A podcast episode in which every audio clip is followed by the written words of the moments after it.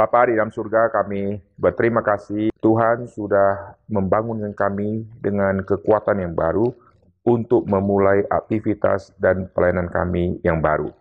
Kami berterima kasih setiap saat Tuhan memberikan kepada kami kesempatan yang baru, bukan kesempatan yang lama, udara yang baru, dan hari yang baru untuk kami menyaksikan bagaimana Tuhan selalu bekerja di dalam kesempatan yang baru. Tuhan sekali lagi memberi firman kepada kami dan menguatkan kami. Dalam nama Tuhan Yesus kami berdoa. Amin. Ini adalah persuruhan doa yang sangat unik di tempat ini. Pagi-pagi memulai semua aktivitas dimulai dengan doa. Sekarang saya akan ajak kita melihat di dalam tiga bagian di dalam Alkitab, dan tiga bagian ini saling berhubungan satu dengan lain. Yang pertama kita akan melihat Yesus berkata kepada 12 rasul. Ini dicatat di dalam Matius pasal yang ke-9. Matius pasal yang ke-9 di ayat yang ke-35 saya akan membaca sampai ayat ke-38. Matius pasal 9 ayat 35 sampai 38. Demikianlah Yesus berkeliling ke semua kota dan desa. Ia mengajar dalam rumah-rumah ibadat dan memberitakan Injil kerajaan sorga. Ia melenyapkan segala penyakit dan kelemahan. Melihat orang banyak itu, Tergeraklah hati Yesus oleh belas kasihan kepada mereka, karena mereka lelah dan terlantar seperti domba yang tidak bergembala. Maka katanya kepada murid-muridnya, tuayan memang banyak, tetapi pekerja sedikit. Karena itu mintalah kepada Tuhan yang empunya tuayan, supaya ia mengirim pekerja-pekerja untuk tuayan itu. Bagian pertama ini kita lihat ini nanti dihubungkan dengan pengutusan 12 rasul. Sekarang saya akan cupik pasal yang ke-10 di ayat ke-5. Kedua belas murid diutus oleh Yesus, ia berpesan kepada mereka, Janganlah kamu menyimpang ke jalan bangsa lain atau masuk ke dalam kota orang Samaria, melainkan pergilah kepada domba-domba yang hilang dari umat Israel. Di sini kita lihat Yesus memberikan kafling. Kau tidak boleh tembus Samaria, lokasimu adalah Israel. Oke, ini untuk 12 rasul di dalam Matius pasal 9 dan Matius pasal ke-10. Lalu ayat 16, lihatlah, aku mengutus kamu seperti domba ke tengah-tengah serigala, sebab itu hendaklah kamu cerdik seperti ular dan tulus seperti merpati. Bagian ini merupakan bagian yang sangat penting untuk menjadi satu fondasi untuk bagian kedua dan bagian yang ketiga. Bagian pertama, Yesus bicara kepada murid-muridnya, habis itu Yesus mengutus 12 rasul. Kenapa mesti kepada 12 rasul ini dulu? Di dalam pelayanan, kunci adalah gembalanya. Nanti setelah gembala, baru para majelisnya. Ini urutan tidak boleh diputar. Kebanyakan gereja-gereja yang menjadi penguasa di dalam gereja adalah majelisnya. Setelah majelis menjadi orang terpenting di dalam gereja, hamba Tuhan menjadi wakil, maka gereja mulai hancur. Kenapa? Karena majelis-majelis punya background dari perusahaan, punya background dari latar belakang kekayaan dan ekonomi yang mapan, maka dia akan mengatur gereja dengan cara dia mengatur perusahaan. Gereja sama perusahaan lain. Perusahaan sama gereja. Gereja melampaui perusahaan. Di perusahaan orang tunduk karena kita kasih gaji. Dia tidak tunduk, kita keluarkan dia. Kita masukin iklan, 10 orang langsung ngantri. Tapi gereja lain, kita melayani, tidak ada gaji. Nyanyi, puji-pujian, asyir, kolektan, tidak ada gaji. Sudah tidak ada gaji, malah kasih persembahan. Kita datang ke perusahaan, tidak kasih persembahan. Tidak ada perusahaan, siapkan satu kotak di pintu masuk, semua yang masuk harus kasih persembahan. Tidak ada. Yang ada apa? Mereka kerja, mereka pulang, dapat gaji. Tetapi kita di gereja melampaui perusahaan. Karena gereja tidak memakai cara-cara dunia. kita memakai prinsip Alkitab.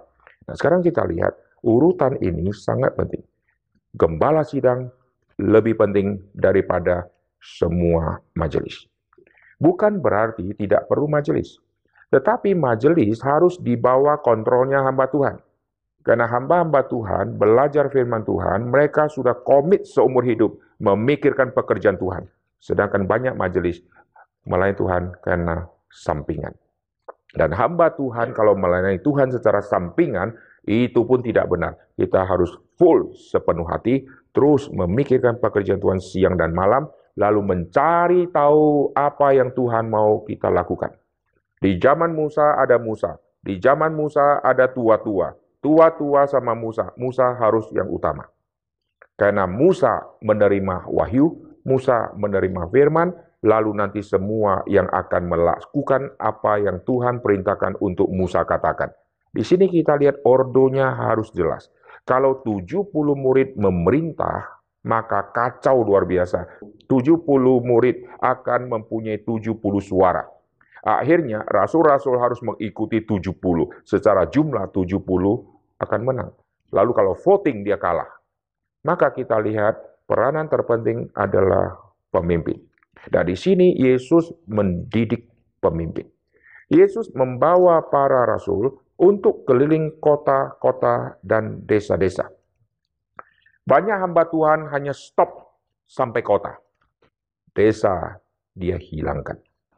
Dan banyak hamba-hamba Tuhan kenapa layani kota? Karena di kota ada makanan yang enak, ada hotel yang bagus, maka dia tinggal di kota. Kenapa di kota? Karena di pusat kota ada landing pesawat ke sana. Nah, saudara lihat, layani kota sama layani desa. Layani kota secara pengalaman, secara adaptasi kita lebih enak. Apalagi kita sudah tinggal di kota. Tapi layani desa ini yang paling sulit. Kenapa? Karena kita harus belajar menyangkal diri.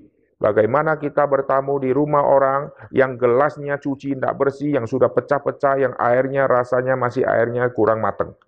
Lalu kita tidur di tempat orang yang agak kotor, masuk ke kamar mandi yang licinnya luar biasa, kayak main ice skating di dalam. Lalu kita lihat kasurnya, waduh aroma terapi. Kita lihat spraynya, waduh sudah lama. Kita lihat di ruangan tamu, anjing jalan-jalan. Lalu tiduran di karpet. Lalu bulu anjing ada di mana-mana. Lalu kita cium-cium, ada bau pesing di ujung sana. Dan di situ kita akan melayani mereka dan tinggal di tempat mereka. Ini yang paling sulit. Maka banyak hamba Tuhan memilih kota. Yesus memilih kota dan desa. Kota sama desa lebih banyak desa. Kota yang disebut kota dulunya adalah desa. Maka kalau sudah jadi kota, jangan lupa budi dari desa. Karena ada desa berkembang, baru jadi kota. Sekarang setelah ada kota, orang meninggalkan desa. Ingat, desa itu kelak akan jadi kota. Kalau sejak dia jadi desa tidak kita layani, waktu sudah jadi kota, tidak tahu mau jadi apa dia. Saya kalau melayani melihat ada sekolah yang baru buka, saya senangnya luar biasa. Langsung saya layani. Nanti berapa tahun kemudian sekolah yang kami kunjungi sudah besar, waktu kami datang ketemu guru-guru yang honorer, sekarang sudah jadi capsek. Dan dia berkata, saya kagum sama kalian. Kenapa? Waktu kami masih kecil, kalian sudah datang layani kami. Waktu kami masih mulai sekolah, masih jelek-jelek, kalian sudah layani. Dan sekarang kami punya gedung besar, kalian datang melayani lagi. Jadi kalian datang melayani bukan melihat gedung bagus baru kalian masuk. Waktu melihat masih baru, siswa masih sedikit, dan kami guru-guru masih honorer, lalu kalian sudah datang melayani. Kami hormat sama kalian. Nah, di sini kita lihat kota dan desa. Mengapa Yesus membawa semua murid untuk masuk ke kota dan desa? Karena untuk berjumpa dengan orang. Bukan cari objek wisata. Cari orang. Supaya apa? Supaya mereka melihat manusia. Waktu sudah melihat manusia, mereka diajar oleh Kristus untuk memandang manusia seperti Yesus memandang. Yesus memandang banyak orang, sama Rasul memandang banyak orang, itu lain. Hamba Tuhan memandang orang, sama orang awam memandang orang, pasti lain. Hamba Tuhan yang sejati waktu memandang orang langsung memandang orang ini gembalanya siapa. Di sini kita melihat orang-orang yang begitu banyak, Yesus tergerak hati. Yesus melihat mereka semua lelah. Jadi mereka apakah kerja terlalu capek? Jawabannya tidak. Mereka biasa, di kota, di desa, semua manusia juga sama. Bangun pagi, kerja, pulang, selesai. Tetapi kenapa Yesus melihat mereka lelah dan terlantar seperti domba yang tidak bergembala? Secara rumah ada, secara kerjaan ada, tapi rohani mereka tidak ada yang menggembalakan. Nah, waktu Yesus melihat hal seperti itu, Yesus sadar semua murid yang dia bawa, rasul-rasul ini, ini mereka calon gembala. Kalau calon gembala tidak melihat sampai hati manusia yang dah sangat dalam, mereka perlu gembala, maka semua murid itu gagal. Semua mahasiswa teologi yang belajar firman Tuhan lalu tidak sadar kalau dia kelak akan menjadi seorang gembala, maka selama dia jadi mahasiswa teologi, dia sudah gagal. Waktu dia jadi mahasiswa teologi ya, Tuhan berikan kepada dia hati untuk melihat semua manusia yang kelak dia akan layani, itu adalah domba-domba yang tidak bergembala, lalu sekarang dia harus konsentrasi, Tuhan, jadikan saya gembala untuk kawanan domba yang lelah itu. Kalau dombanya sudah lelah, gembala harus berlelah-lelah. Ini satu rahasia yang sangat menarik. Domba sudah lelah. Untuk menuntun semua yang lelah, gembala akan lebih lelah. Kalau dombanya seratus yang lelah, lalu gembala layani tidak lelah, tidak mungkin. Karena layani satu domba lelah, kita akan berlelah-lelah. Apalagi seratus domba, ngurusin seratus domba yang berlelah dan terantar. Ini capeknya luar biasa.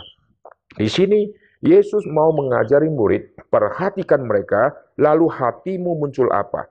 Semua gagal. Karena di sini kita melihat timbullah belas kasihan dari diri Tuhan Yesus dan tidak pernah muncul di dalam diri para rasul. Mereka berbelas kasihan. Lalu keluarlah kalimat Tuhan Yesus yang sangat agung yang belum pernah dikatakan oleh orang Yahudi mana pun. Karena semua orang Yahudi tidak pernah melihat orang Yahudi terlantar dan lelah. Orang Yahudi selalu melihat semua orang non-Yahudi itu lelah. Semua orang non-Yahudi itu terlantar. Urusan dia sama Tuhan. Tuhan akan menghukum. Karena mereka jauh dari keselamatan. Di sini Yesus berkata, tuayan banyak. Tuayan banyak, pekerja sedikit. Jadi seluruh Yahudi yang begitu banyak, tidak ada banyak pekerja. Dan seluruh Yahudi yang begitu banyak, ini adalah ladang. Nah ini tidak pernah terpikir oleh siapa pun di dalam zaman-zaman sebelumnya. Karena seluruh orang Yahudi ini bukan tuayan. Seluruh orang Yahudi ini adalah hasil panen. Karena semua orang Yahudi sudah belajar Taurat. Sudah mengerti Taurat. Dari kecil sudah belajar Taurat. Mereka bukan sesuatu yang ditanam, bukan sesuatu yang tunggu proses untuk jadi. Mereka semua tanda petik sudah jadi. Karena sudah hafal Taurat.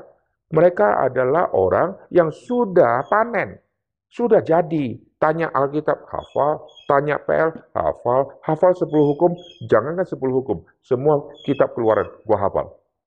Nah bayangkan, orang yang kayak begini, itu bukan tuayan yang akan dituai. Ini sudah hasil panen yang sudah lama di lumbung. Tapi kenapa Yesus berkata tuai yang banyak?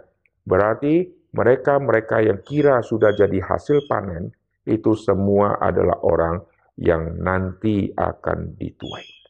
Nah, pandangan seperti ini tidak pernah muncul di dalam diri siapa pun. Yesus melihat orang Israel adalah orang yang tersesat. Orang Israel kalau dengar kalimat itu, mereka akan marahnya luar biasa. Kenapa? Karena orang Yahudi, semua orang-orang yang tidak pernah terhilang. Karena mereka punya Tuhan, Tuhan kasih Alkitab. Tuhan kasih PL dan Tuhan memakai PL, lalu PL ditulis di dalam bahasanya mereka. Maka mereka merasa, oh Tuhan itu milik kami. Bahasa yang dipakai juga bahasa kami. Tuhan milik kami, bukan milik bangsa lain. Yesus berkata tidak. Kalian ini domba-domba terhilang dan kalian harus dituai. Maka di dalam konteks itulah Yesus ajar mereka untuk melihat terlebih dahulu daerah sekitar. Banyak gereja kehilangan melihat gereja itu sendiri. Selalu lihatnya luar. Wah, kita misi keluar. Dia tidak punya program misi ke dalam. Karena banyak domba terhilang di dalam gereja. Siapakah domba terhilang itu? Salah satunya adalah semua rasul. Yesus membawa rasul. Rasul tidak ada hati yang berbelas kasihan. Mereka juga domba. Yesus membawa para rasul. Semua rasul akhirnya nanti satu persatu menyangkal Tuhan Yesus. Jadi mereka juga adalah domba yang sedang dituntun oleh Tuhan. Mereka sedang terlantar, tapi mereka belum sadar. Banyak hamba-hamba Tuhan sedang terlantar. Lalu banyak orang Kristen sedang terlantar. Lalu orang-orang Kristen ini harus dituntun terlebih dahulu. Jikalau orang Kristen tidak dituntun kepada gembala yang sejati, maka tidak mungkin bisa menggembalakan orang lain. Dirinya kalau masih jadi domba terhilang, tidak mungkin menggembalakan domba terhilang. Dia harus dirubah menjadi gembala dulu. Semua domba terhilang harus dilatih menjadi gembala dulu. Setelah jadi gembala, baru dia bisa menggembalakan orang lain. Jadi 12 rasul, ini 12 domba yang juga terhilang, yang Yesus tuntun sampai akhirnya menjadi pekerja. Sekarang kau belum pekerja, kau hanya penonton. Kau hanya mengikuti, kau belum termasuk pekerja. Maka saya membawa tim, ada tim yang masih awal-awal, saya bawa mereka menjadi melihat.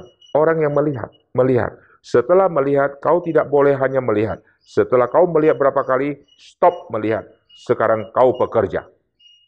Maksudnya apa? Kau harus belajar khotbah. Kau harus siapkan firman. Kau harus sampaikan firman Tuhan kepada mereka. Karena kau bukan penonton. Kau pekerja. Kalau kau pekerja, mari ikut mempersiapkan segala sesuatu. Tidak bisa datang, lalu sudah siap semua. Oke, saya yang khotbah. Sekarang saya khotbah. Tidak bisa. Kau harus siapkan sampai jadi. Kamu turun naik sepeda motor ketemu capsek lobby sampai jadi. Kau jadi humas, kau jadi pembicara, lalu kau yang closing, kau yang calling. Setelah itu kau pindah ke sekolah lain, mulai nol lagi, lobby lagi. Semua yang ikut awalnya oke, okay, silakan menyaksikan, silakan melihat. Setelah itu kau harus jadi pekerja. Lalu kita lihat dua beras rasul ini Yesus kasih penglihatan kepada mereka di tempat di mana banyak orang Yahudi, ini daerah Israel, ini banyak domba terhilang. Para murid pasti tidak sadar apa maksud Tuhan Yesus. Lalu perhatikan di pasal yang ke-10, sekarang Yesus utus mereka, lepaskan mereka. Jadi pelajaran di meja belajar, pelajaran di kelas belajar, pelajaran di perpustakaan ini tidak cukup kalau belum dilepaskan orang itu ke lapangan. Yesus bicara banyak, oke, okay, oke, okay, oke. Okay. Sekarang mereka sudah dengar semua prinsip. Aku menyertai engkau, aku memimpin engkau. Tidak usah khawatir Tuhan yang mengutus, pasti Tuhan menjaga. Kau sudah tahu semua teori, sekarang kau pergi. Perginya berdua-dua. Supaya apa? Supaya ada rekan saling mendoakan. Kalau satu sudah agak sakit, satu bisa membackup. Nah, kirim berdua-dua. Cara kirim berdua-dua inilah ditiru oleh Mormon, ditiru oleh saksi Yehova. Mereka pergi selalu berdua-dua.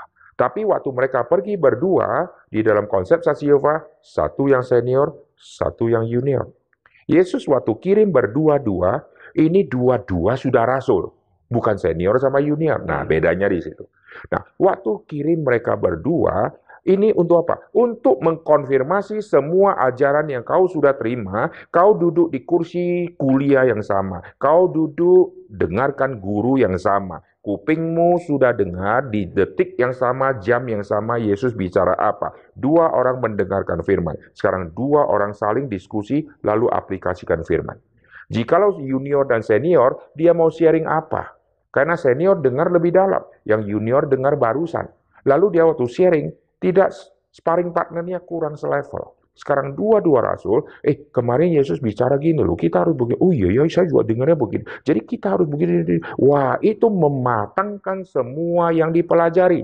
Maka ladang pelayanan menjadi ladang pematangan semua pekerja-pekerja Tuhan. Amin. Sekarang sebelum pergi mencangkol, dikasih briefing pegang cangkol gimana supaya tangan tidak lecet, bagaimana cara ayunkan, bagaimana supaya urat tidak terjepit. Ini semua teori. Sekarang dilepas ke lapangan, baru lihat cangkol. Ternyata cangkol begini ya. Dia angkat. Beratnya segini ya. Waktu dia ayunkan, waduh kalau saya terlalu kencang bisa jatuh ke belakang. Baru dia mengerti, oh cangkol itu bagaimana. Makin dia sering cangkol, makin tahulah dia cara mencangkol, dan makin kuatlah tangannya, sehingga awal mungkin sobek, setelah itu muncul kapalan di sini. Dan waktu sudah muncul keras di, di kulit tangannya, akhirnya dia cangkol, sudah tidak melukai tangannya. Makin kerja, tangan jadi kasar, tapi semakin kebal semakin kuat. Amin. Kita melayani, makin layani. Kali pertama luka, kali pertama sakit. Tidak apa-apa. Sakit itu untuk memunculkan kulit yang baru. Setelah kulit yang baru muncul, luka lagi, tidak apa-apa. Untuk memunculkan kulit yang lain, sehingga nanti makin lama makin tebal kulit yang sering alami sakit. Supaya suatu saat, waktu alami sakit seperti ini, kita rasa, aku sudah lewat. Aku sudah lewat level ini. Amin. 12 rasul dididik oleh Tuhan Yesus, lalu mereka diutus. Waktu diutus, Yesus kasih covering. Jangan kau pergi ke tanah Samaria. Kalau ke tanah Samaria, mereka tidak mau. Mereka rasa itu najis. Dan mereka disuruh ke sana, itu berat. Tapi yang paling gampang dulu, yaitu apa? Ke rekan-rekanmu. Ini paling gampang. Yesus utusnya kepada objek yang gampang. Tetapi objek yang gampang, jangan kau kira mereka domba mereka serigala. Lihat di sini di pasal yang ke-10 ayat ke-16. Lihat, aku mengutus kamu seperti domba ke tengah serigala. Jadi waktu awal Yesus mau mereka melihat seluruh orang Israel yang terlantar ini mereka adalah domba. Tapi jangan kau kira mereka domba bodoh. Mereka adalah serigala. Kalau begitu, yang kau taklukkan bukan domba, yang kau taklukkan ada roh serigala di dalam diri para domba. Ini yang paling sulit. Orang Kristen paling sulit ditaklukkan. Karena dia berkata Kristen, dalamnya serigala. Dan mereka akan menghadapi para serigala-serigala yang puas itu. Kelihatannya domba, tapi hatinya serigala. Nah, ini cara pendidikan yang Yesus ajarkan. Setelah 12 rasul dididik dengan cara ini, sekarang Yesus baru menguji 70 murid. Jadi lihat ya, ini gembala dulu, pendeta dulu, atau rasul-rasul dulu, pemimpin-pemimpin agama dulu, nanti baru para majelis. Sekarang setelah rasul, level kedua adalah 70 murid. Nah, sekarang kita lihat bagian kedua, ini di dalam kitab Lukas. Bagian kedua di dalam Lukas pasal yang ke-10. Di Lukas pasal yang ke-10, LAI kasih judul, Yesus mengutus 70 murid. Nah, 70 murid mendapat pelajaran yang sama persis seperti para rasul. Ini satu rahasia. Siapa yang berkata, oh pendeta harus melayani lebih berat daripada majelis? Teori itu oke, okay, tetapi Alkitab mengatakan tidak. Kalau hamba Tuhan mendapat pelajaran yang begitu ketat, majelis juga harus dapat porsi yang sama. Hamba Tuhan diutus pergi kabarkan Injil, pergi ke tempat serigala, majelis dikirim ke tempat bebek. Tidak. Semua dikirim ke tempat serigala, rasul-rasul sudah pergi, hamba Tuhan sudah pergi, sekarang majelis bagaimana? Oh, majelis dikirim ke yang domba yang pincang, domba yang tidak bisa jalan, itu yang jinak-jinak yang sudah mau mati lalu dilayani. Tidak. Lihat di Lukas pasal ke-10. Di Lukas pasal yang ke-10, ayat yang pertama, Yesus menunjuk 70 murid Yesus mengutus mereka berdua-dua. Lalu apa yang Yesus katakan kepada Rasul, sekarang Yesus ulangi kepada 70 murid. Tuayan memang banyak, pekerja sedikit. Mintalah kepada Tuhan. Semua ajarannya sama. Yesus ngomong sampai dua kali kepada dua kubu. Kubu pertama Rasul, kubu kedua 70 murid. Lalu Yesus kasih tahu mereka bahwa tuayan banyak. Lalu Rasul diutus ke tengah-tengah serigala. 70 murid di tengah serigala juga. Pasal 10 ayat ketiga. Pergilah, sesungguhnya aku mengutus kamu seperti anak domba ke tengah serigala. Ini namanya bunuh diri. Anak domba di tengah serigala. Kalau induk domba masih agak gede. Serigala kalau mungil mungkin sungkan. Tapi kalau anak domba, begitu sampai langsung ciut. Nah, di sini saudara perhatikan, 70 murid akan menjadi santapan serigala. Lu pergi nggak? 12 rasul sudah tinggalkan semua untuk jadi santapan serigala. Lu pergi enggak? Kamu melihat mereka itu domba, tapi mereka serigala. Dan waktu mereka pergi, lalu mereka diutus berdua-dua. Teori sudah dapat, lalu sekarang mereka akan menghidupkan semua teori di dalam aplikasi hidup. Ini yang paling sulit. Kita dengar khotbah, kita dengar bisa ribuan khotbah, tapi jalani khotbah mungkin cuma dua, dua, dua khotbah yang kita aplikasikan. Dengar khotbah bisa tambah lagi, tambah lagi, tambah lagi. Tapi prestasi jalankan firman mungkin dari dulu dua sampai hari ini dua. Tapi jumlah khotbah dari dulu sudah seribu, sekarang sudah seribu lima ratus. Saya sudah seribu delapan ratus, seribu sembilan ratus. Tapi jalankan khotbah dari dulu prestasi tetap dua atau jadi tiga, empat, lima, enam, tujuh. Tapi jumlah khotbah ribu, ribu. Ini masih belum berpuluh-puluh. Kita timbang. Maka semua yang sudah dengarkan firman harus terjun ke lapangan. Terjun ke lapangan menemukan domba itu yang di dalamnya serigala. Lalu dengan kuasa Tuhan taklukkan semua serigala, rubah jadi domba sejati. Ini sulit. Perubahan spesies ini sangat sulit domba jadi serigala. Gimana cara dandankan si domba jadi serigala? Ini susah karena beda spesies.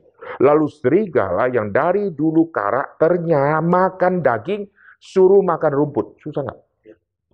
Oh, orang kalau sudah hidup mewah, lalu sekarang makan apa adanya, sulit susah. Makan daging, makan daging, giginya pun sudah gigi untuk makan daging. Sekarang harus makan rumput seperti domba. Sulit. Dulu sangar, menyeramkan. Sekarang jadi embek, mukanya senyum terus. Ini sangat sulit. Jadi kita lihat poin pertama tadi, rasul-rasul. Poin kedua, 70 murid. Dan semua murid-murid ini diutus oleh Tuhan untuk menguji mereka. Dan semua ini dilakukan di Israel. Dan di Israel banyak serigala. Di kantong Kristen banyak serigala. Setuju? Di kantong Kristen banyak domba berbulu serigala. Penghambat semua pelayan penginjilan adalah orang Kristen karena mereka masih serigala. Serigala-serigala yang masih serigala belum ditaklukkan jadi domba, mereka punya gembala bukan gembalanya domba. Mereka gembalanya adalah gembala serigala. Siapakah gembala serigala? Itulah setan. Maka Yesus berkata kepada semua orang Farisi, Bapamu setan. Gembala serigala adalah setan. Gembala domba adalah Kristus. Maka karena setan adalah yang penentang semua yang Kristus lakukan atau yang Allah lakukan, semua serigala akan berjiwa sama seperti gembalanya. Gembala serigala adalah setan penentang seluruh kebenaran, maka serigala akan menentang semua yang Alkitab katakan. Salah satu ujian kita bisa melihat mereka serigala atau domba, yaitu mereka menolak penginjilan.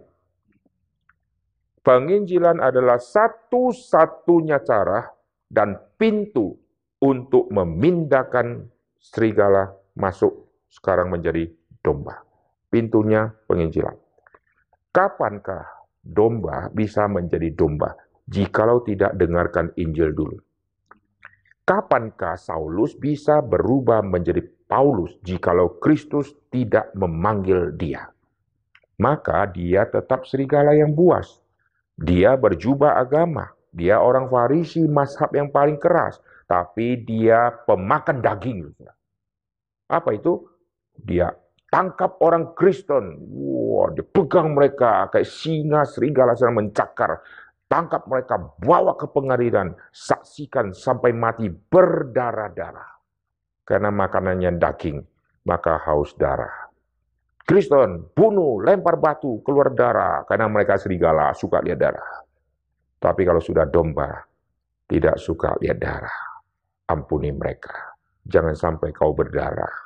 Ampunilah mereka. Jangan balas mereka. Kalau dia tampar pipi satu, kasih pipi yang lain. Kalau orang Yahudi tidak, lu sebelum tampar, ku lempar kau dengan batu, karena kau melanggar sepuluh hukum. Bagaimana sempat lu tampar? Karena aku tampar kau dengan batu, berdarah-darah. Karena mereka serigala.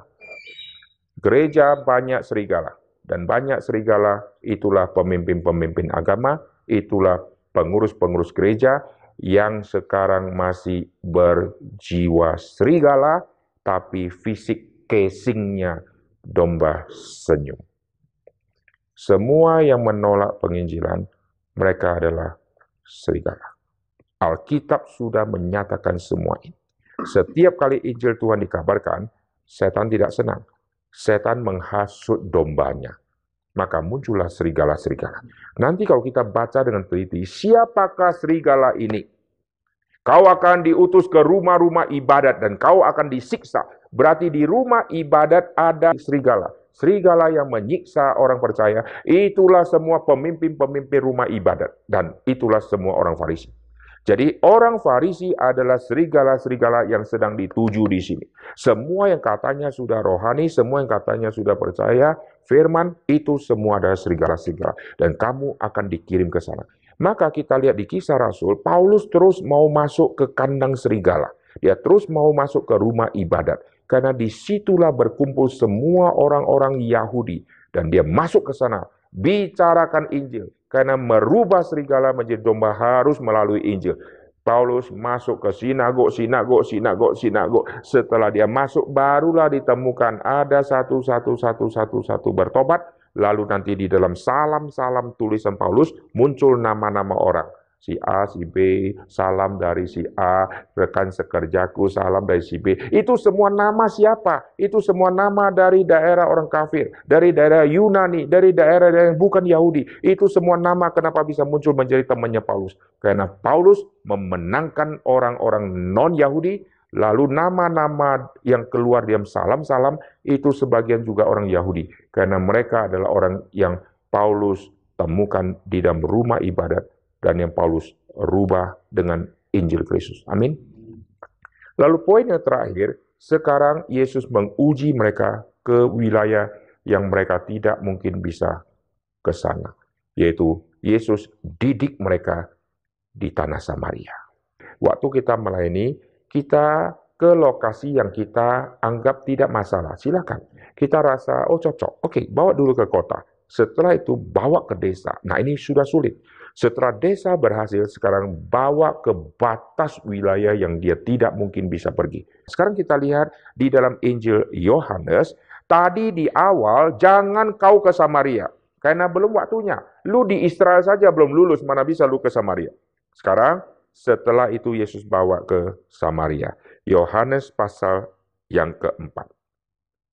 Di tanah Samaria ini Yesus katakan kalimat yang mirip tadi, tetapi dengan versi yang lain.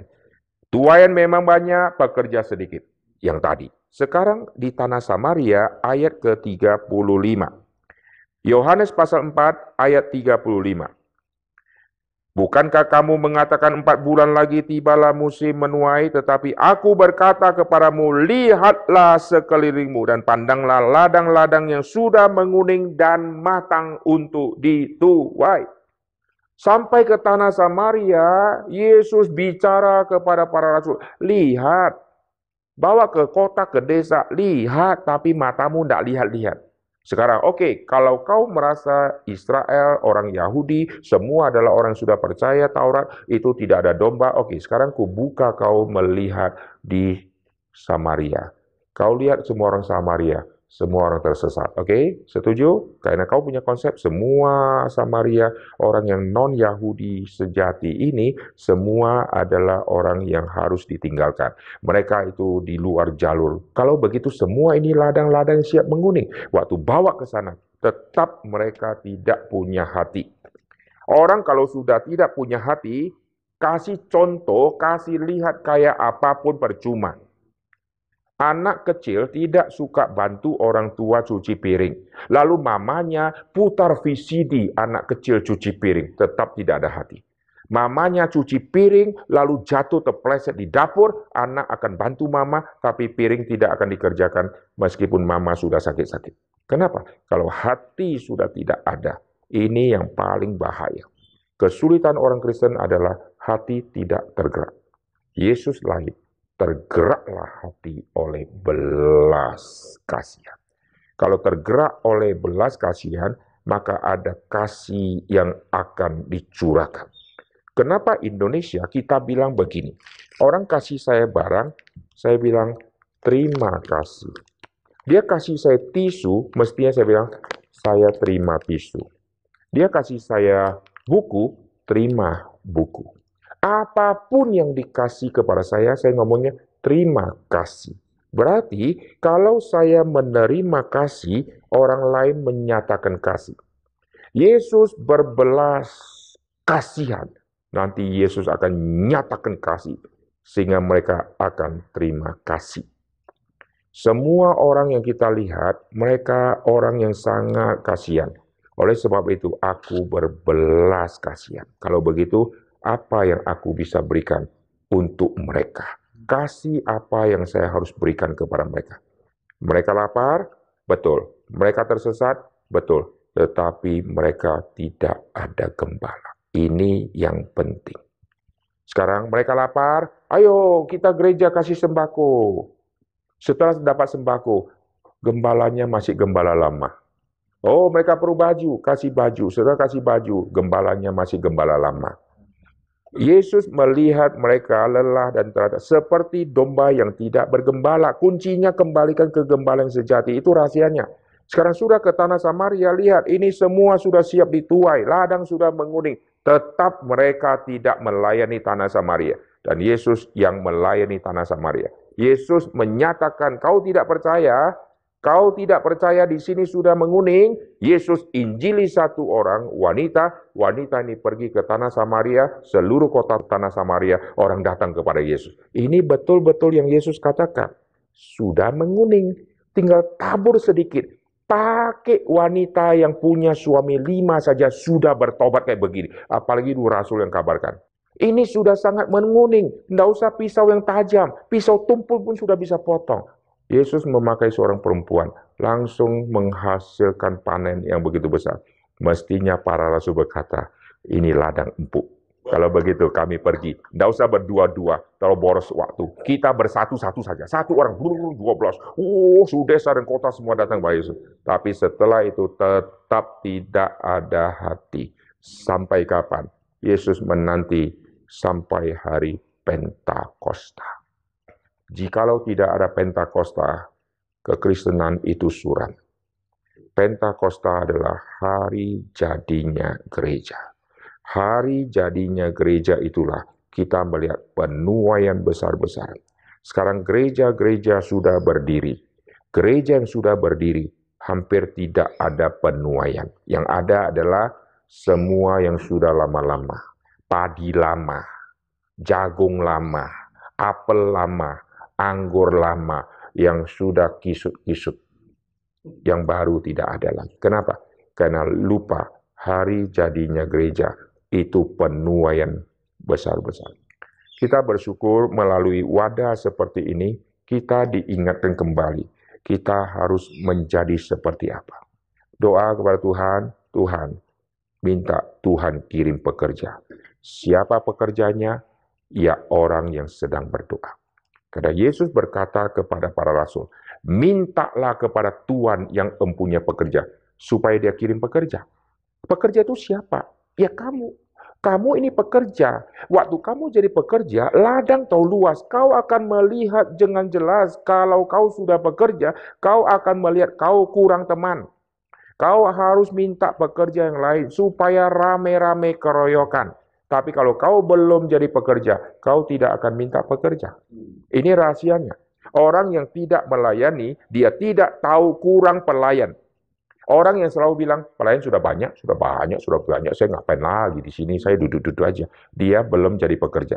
Begitu dia sudah jadi pekerja, baru dia tahu dia butuh orang. Semua nelayan sudah jadi nelayan, baru tahu ikan laut sangat banyak. Dia ke sana ikan, ke sana ikan, baru dia tahu. Ini kalau 2000 nelayan tangkap ikan, ikan pun tidak habis. Jadi kalau mau tangkap semua ikan, saya mesti siapkan berapa banyak nelayan.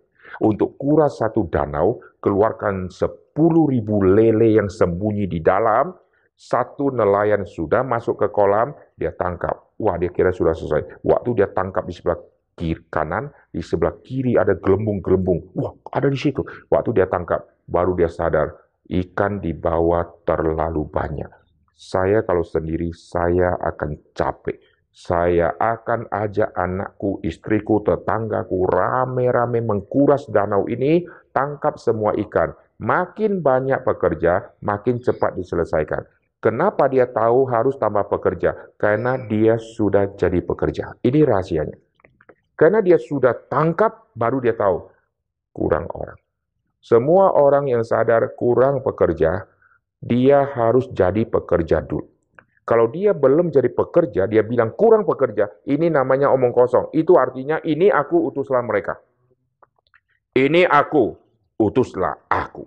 Kalau semua orang berkata kalimat seperti ini, maka kalimat Yesus yang sudah 2000 tahun lebih itu sampai hari ini tidak berlaku lagi. Contoh, 2000 tahun lebih yang lalu Yesus berkata, tuain banyak, pekerja sedikit. Oke, wajar. Karena manusia sedikit, gereja masih sedikit, orang Kristen tidak ada, karena gereja Tuhan adalah orang-orang yang percaya, itu masih sedikit. Gereja gedung belum ada, yang ada bait Allah dan sinagog. Lalu, tua yang banyak pekerja sedikit, oke setuju. Tetapi 2000 tahun kemudian, gereja sudah banyak kan? Gunung ada salib, sawah ada salib, batu karang di atasnya ada penduduk, ada salib. Lalu rumah Tuhan semakin banyak, orang Kristen semakin banyak, penginjilan dijalankan. Sampai hari ini, kalimat Yesus tetap berlaku. Tuain banyak, bekerja sedikit. Mestinya, tuayan banyak, bekerja sangat banyak. Betul? Kenapa sampai hari ini kita masih melihat pekerja sedikit? Berarti 2000 tahun lebih orang Kristen tidak tobat-tobat. 2000 tahun lebih orang Kristen yang dulu pekerja sedikit sampai hari ini tetap sedikit karena banyak orang Kristen hanya mau terima anugerah, tinggal tunggu mati masuk surga, tetapi tidak mau berlelah-lelah jadi pekerja. Inilah kecilakan besar di dalam kekristenan. Coba lihat gereja. Di dalam ibadah berapa banyak orang, lihat kiri dan kanan. Nanti begitu ada acara pelayanan, lihat orangnya itu-itu aja. Yang lain ke mana? Yang lain datang pulang, datang pulang, datang pulang, datang pulang. Waktu sakit, Pak Pendeta doakan saya. Habis didoakan, datang pulang, datang pulang, datang pulang. Sudah mau mati, Pak Pendeta, saya di ICU. Sekarang saya akan apa gitu. Saya sekarang baru bisa ngomong, tolong data, baru ingat Pendeta. Nanti kalau sudah mati, keluarganya datang, Pak Pendeta, tolong kuburkan yang Pak Pendeta sudah doakan. Tetapi ke gereja datang pergi, datang pergi, datang pergi, tidak terlibat jadi pekerja. Nah ini kasihan besar di dalam gereja Tuhan. Oleh sebab itu kita harus melihat dengan cara Yesus melihat. Lihat mereka, mereka perlu gembala. Lihat mereka, mereka perlu ada orang yang menuntun mereka untuk menjadi orang Kristen yang sejati. Siapakah yang pergi? Kita orang Kristen yang sudah diselamatkan. Karena dulu kita serigala, sekarang dirubah dengan Injil, maka jadi domba. Maka kalau kita yang sudah dirubah, kita pernah mengalami perubahan itu seolah-olah tidak mungkin. Dulu saya jahat, kenapa bisa baik? Oke, berarti ada kuasa Tuhan. Kalau begitu dia jahat, dia pasti ada kemungkinan bisa jadi baik. Amin. Amin. Kalau Tuhan tidak merubah saya, suruh saya pergi, saya tidak ada kuasa. Maka semua multi level marketing itu pakai cara apa? Kasih coba. Coba gratis. Sudah coba gratis, setelah itu baru dia jualan. Itu rahasianya. Maka dia jualan, dia punya kuasa. Kristus selamatkan kita, baru utus kita. Bukan utus kita, baru sambil selamatkan kita. Tidak. Selamatkan kita dulu, alami dulu, baru utus. Sekarang kita akan tutup di dalam doa. Biarlah renungan ini menjadi satu kekuatan bagi kita. Kita harus jadi pekerja. Setelah jadi pekerja, dan langkah berikutnya doa minta Tuhan kirim pekerja. Mari kita berdoa. Bapa yang surga kami berterima kasih Tuhan sudah mencelikkan pikiran kami Tuhan sudah menuntun setiap kami untuk kami melihat kekristenan yang terus berkembang hingga hari ini. Tuhan ampuni setiap orang-orang percaya, Tuhan ampuni setiap kami, karena kami adalah orang yang sudah alami keselamatan, kami dulunya serigala, sudah dirubah menjadi domba yang sekarang sudah bergembala, tetapi kami tidak mempunyai hati berbelas kasihan kepada orang lain yang belum punya gembala yang sejati. Oleh sebab itu, pakai setiap kami menjadi pekerja-pekerja Tuhan, pakai setiap kami untuk menjadi pelaku-pelaku firman. Terpujilah nama Tuhan, dengar doa kami. Dalam nama Tuhan Yesus kami berdoa. Amin.